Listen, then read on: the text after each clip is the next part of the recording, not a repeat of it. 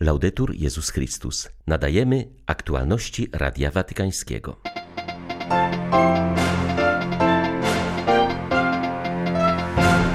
Szukajcie Boga tam, gdzie daje się dzisiaj znaleźć, w łaknących i pragnących prawdy, napisał papież do redaktorów La Civilta Katolika. Rzym przygotowuje się do Marszu dla Życia. W tym tygodniu minęło 40 lat od aborcyjnego referendum we Włoszech. W jego konsekwencji zginęło ponad 6 milionów nienarodzonych. Filipińscy jezuici wyciągnęli z płonącego szpitala 35 noworodków. Wszystkie dzieci przeżyły i znalazły schronienie w pobliskiej kaplicy. 20 maja witają Państwa ksiądz Krzysztof Ołdakowski i Łukasz Sośniak. Zapraszamy na serwis informacyjny. Papież przesłał list do redakcji jezuickiego pisma La Civilta Cattolica z okazji wznowienia wydawania jego hiszpańskojęzycznej wersji. Franciszek wspomniał, że jest to pismo jedyne w swoim rodzaju, nie tylko dlatego, że ma za sobą 170 lat istnienia. To więcej niż periodyk, to prawdziwe doświadczenie duchowe, wspólnotowe i intelektualne, realizowane przez wspólnotę jezuitów, kolegium pisarzy, która wspólnie żyje i rozeznaje, wybiera oraz opracowuje tematy ważne do podjęcia w naszych czasach, napisał papież. Ojciec Święty wspomniał, że pismo wydawane jest dzisiaj w wielu wersjach językowych i dzięki temu dociera do szerokiego grona odbiorców. Teraz periodyk wzbogacony o wersję hiszpańską poszerzy grono swoich czytelników o kolejnych 21 krajów.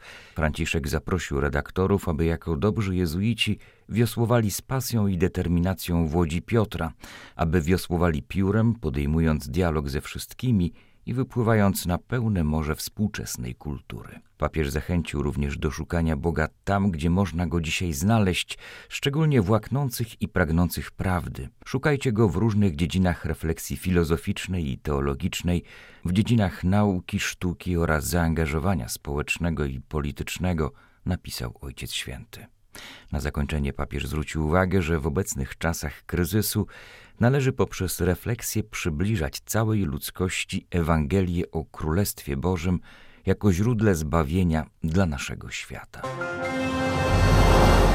Papież odwiedza dziś watykańską siedzibę Scholas Occurrentes, która mieści się w rzymskim pałacu świętego Kaliksta. Spotyka się tam z młodymi przybyłymi z różnych części Włoch, którzy uczestniczyli w pierwszej części programu dotyczącego zdrowia emocjonalnego podczas pandemii. Przy tej okazji zostaną także zainaugurowane Międzynarodowa Szkoła Liderów Środowiskowych, inspirowana encyklikami Laudato Si i Fratelli Tutti oraz Szkoła Formacji Politycznej przyszłą sobotę na forach cesarskich w Rzymie odbędzie się ogólnokrajowy Marsz dla Życia. W tym roku jest on silnie zainspirowany niedawnym przemówieniem papieża na tzw. Tak Stanach Generalnych o kryzysie demograficznym we Włoszech. W obecności premiera Dragiego Franciszek podkreślił, że społeczeństwo, które nie przyjmuje życia, przestanie istnieć. Jak przypominają organizatorzy marszu, w ubiegły poniedziałek minęła 40. rocznica referendum, w którym którym 67% Włochów poparło przyjętą trzy lata wcześniej przez parlament ustawę aborcyjną. W jej wyniku zginęło 6 milionów 350 tysięcy nienarodzonych dzieci zgładzonych podczas aborcji chirurgicznej. Do tego trzeba doliczyć kolejne miliony ofiar aborcji farmakologicznej. Jak mówi przewodnicząca Komitetu Organizacyjnego Marszu dla Życia, jest to dolna inicjatywa ludzi, którzy nie chcą się pogodzić z tą masową eksterminacją Włochów i nie będą jej traktować jako faktu dokonanego. Virginia Codanunciante przyznaje jednak, że pandemia okazała się bardzo niebezpiecznym okresem dla nienarodzonych. Niemal we wszystkich krajach nastąpiła liberalizacja procedur aborcyjnych.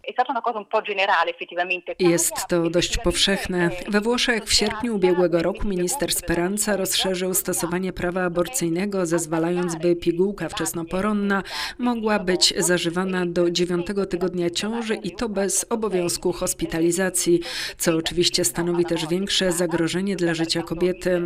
Ale sytuacja pogorszyła się również w innych krajach. W Nowej Zelandii dopuszczono aborcję aż do dziewiątego miesiąca ciąży. We Francji rząd poluzował zasady dotyczące aborcji farmakologicznej i zgodził się na przeprowadzanie aborcji w szpitalach, które miały być zarezerwowane dla pacjentów z COVID-19. Tak też stało się w Anglii, gdzie zgodzono się na aborcje domowe. Podobnie jest też w Stanach Zjednoczonych. Są to przypadki dobrze znane, niestety. A zatem zamiast skoncentrować się w czasie pandemii na obronie życia, w jeszcze większym zakresie zadawano śmierć. Filipińscy jezuici zaryzykowali życie, aby uratować z płonącego szpitala w Manili 35 noworodków. Nie zważając na własne bezpieczeństwo, przy zerowej widoczności wyciągali niemowlęta pozostawione w gęstym dymie, napisał na Facebooku jezuita ojciec Marlito Okon. Zaznaczył, że opanowanie pożaru zajęło strażakom aż cztery godziny. Gdyby moi współbracia nie weszli do płonącego skrzydła szpitala, tych dzieci nie udałoby się uratować. Zostali na miejscu, dopóki wszyscy pacjenci nie byli bezpieczni, dodał zakonnik. Początkowo jezuici nie wiedzieli, co zrobić z uratowanymi dziećmi. Jeden z nich wpadł na pomysł, aby zanieść je do kaplicy, która znajduje się w pobliżu szpitala. W ten sposób miejsce modlitwy stało się tymczasowym oddziałem położniczym i zarazem centrum ewakuacji. 27 noworodków po przeniesieniu do kaplicy znajdowało się w stanie ciężkim. Na miejscu lekarze starali się udzielić im niezbędnej pomocy. Do kaplicy bardzo szybko dostarczono potrzebny sprzęt, między innymi respiratory, gdyż niektóre dzieci potrzebowały tlenu z powodu dymu, który dostał się do ich płuc. Po opanowaniu sytuacji kilkoro dzieci zostało przewiezionych do innych pobliskich szpitali. Nasi lekarze i pielęgniarki są wspaniali. Wszyscy pacjenci szpitala, również najmłodsi, ci uratowani przez jezuitów, przeżyli pożar, napisał ojciec Okon. Z okazji rozpoczynającego się dzisiaj roku ignacjańskiego francuski dziennik La Croix przeprowadził wywiad z przełożonym generalnym Towarzystwa Jezusowego.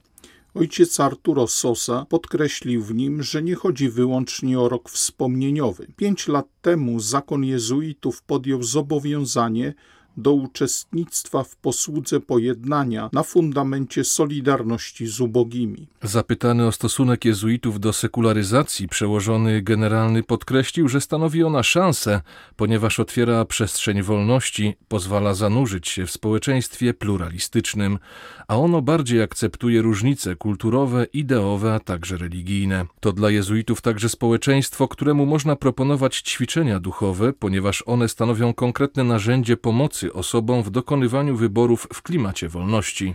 Innym pozytywnym aspektem jest przerwanie związku między kulturą i religią. Często wierzący w poprzednich pokoleniach nie wybierali wiary w wolny sposób, a przecież wiara nie powinna być narzucana przez kulturę. To wybór, który zależy od ludzkiej wolności. Wpisuje się w spotkanie z Bogiem, zwracającym się do wolności człowieka i osobistego doświadczenia. Dla Kościoła katolickiego to bardzo głęboka zmiana, gdyż odtąd będzie on złożony z wiernych, świadomych swojego wyboru. Wspólnoty chrześcijańskie staną się wtedy o wiele bardziej żywotne. Zdaniem generała Towarzystwa Jezusowego papież Franciszek w sposobie kierowania Kościołem inspiruje się stylem ignacjańskim.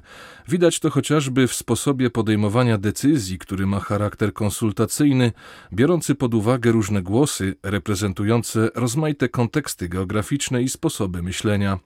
Oprócz osobistego wsłuchiwania się w głos Ducha Świętego na modlitwie, stanowi to źródło inspiracji dla sprawowania rządów, pokazuje ścisły związek z synodalnością i rozeznawaniem, które stanowią ważny element duchowości ignacjańskiej oraz bazują na wskazaniach Soboru Watykańskiego II.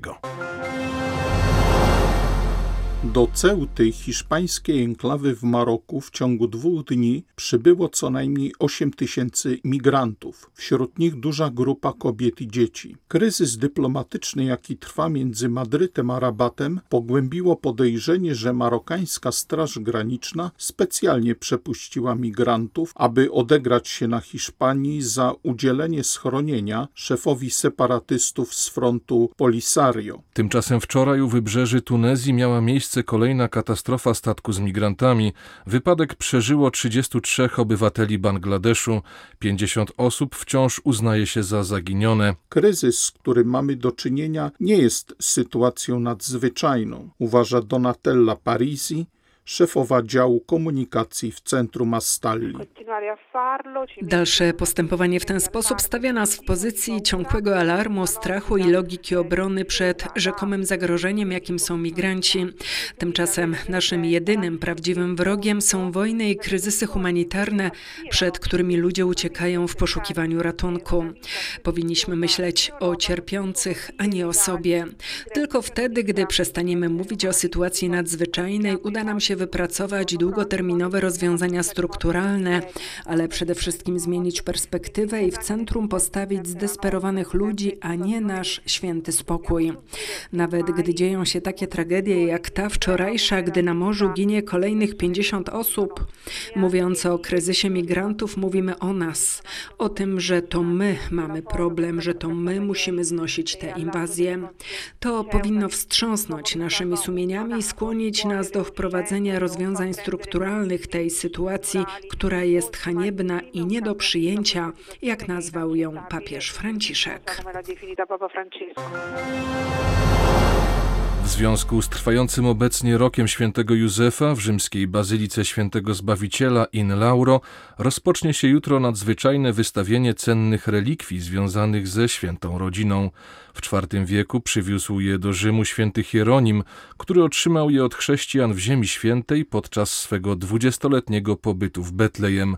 Są to chusta Maryi i fragment płaszcza świętego Józefa. Od 1600 lat są one przechowywane w Rzymie na Palatynie w Bazylice Świętej Anastazji i bardzo rzadko są wystawiane na światło dzienne, dzięki czemu do dziś zachowały się żywe barwy na welonie Maryi.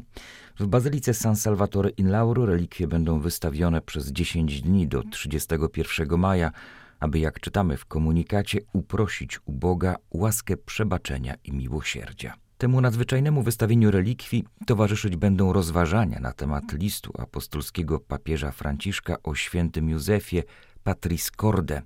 Poprowadzą je m.in. kardynałowie Piacenza, Comastri, Mamberti, Petrocchi oraz arcybiskup Rino Fisichella. Tak jak apostołowie jesteśmy w łodzi pośród burzy. Nowością, która nastała wraz z pandemią, nie jest burza, ale to, że jesteśmy jej świadomi i że z tego może zrodzić się modlitwa. Wskazuje na to ojciec Samuel Lora, opat trapistów w Nowym Dworze w Czechach. W wywiadzie dla tygodnika Famille Chrétienne zauważa, że dwie postawy stanowią szczególną przeszkodę dla działania Ducha Świętego w człowieku pycha i lęk. Problem w tym, że żyjemy dziś w kulturze, która radykalnie jest naznaczona pychą. Człowiek chce tworzyć swoje życie bez Boga. COVID tymczasem pokazał nam, że sami sobie nie poradzimy. Zapytany, jak wytrwać w obecnej sytuacji, opat trapistów zapewnia, że to sam Chrystus przejmuje inicjatywę i daje nam znaki. My mamy je dostrzec, a dostrzegamy je lepiej, kiedy jesteśmy w tarapatach. To właśnie z tego względu z optymizmem postrzegam tą epokę. Przez całe dziesięciolecia pewność siebie rozrosła wrosła się w nas tak bardzo, że popadliśmy w złudzenie, że nad wszystkim możemy panować, także nad życiem i śmiercią. Kiedy wali się tak wiele rzeczy, to odzyskujemy po prostu kontakt z rzeczywistością, a z tego może się zrodzić wołanie do Boga, mówi trapista. Ojciec Loras zastrzega, że lęk sam w sobie nie jest zły, chyba że paraliżuje i pozbawia nadziei. Lęk to pewna forma realizmu, jako taki może być bodźcem do modlitwy, jak łap apostołów na łodzi w czasie burzy, Panie ratuj nas. Były to aktualności Radia Watykańskiego. Laudetur Jezus Chrystus.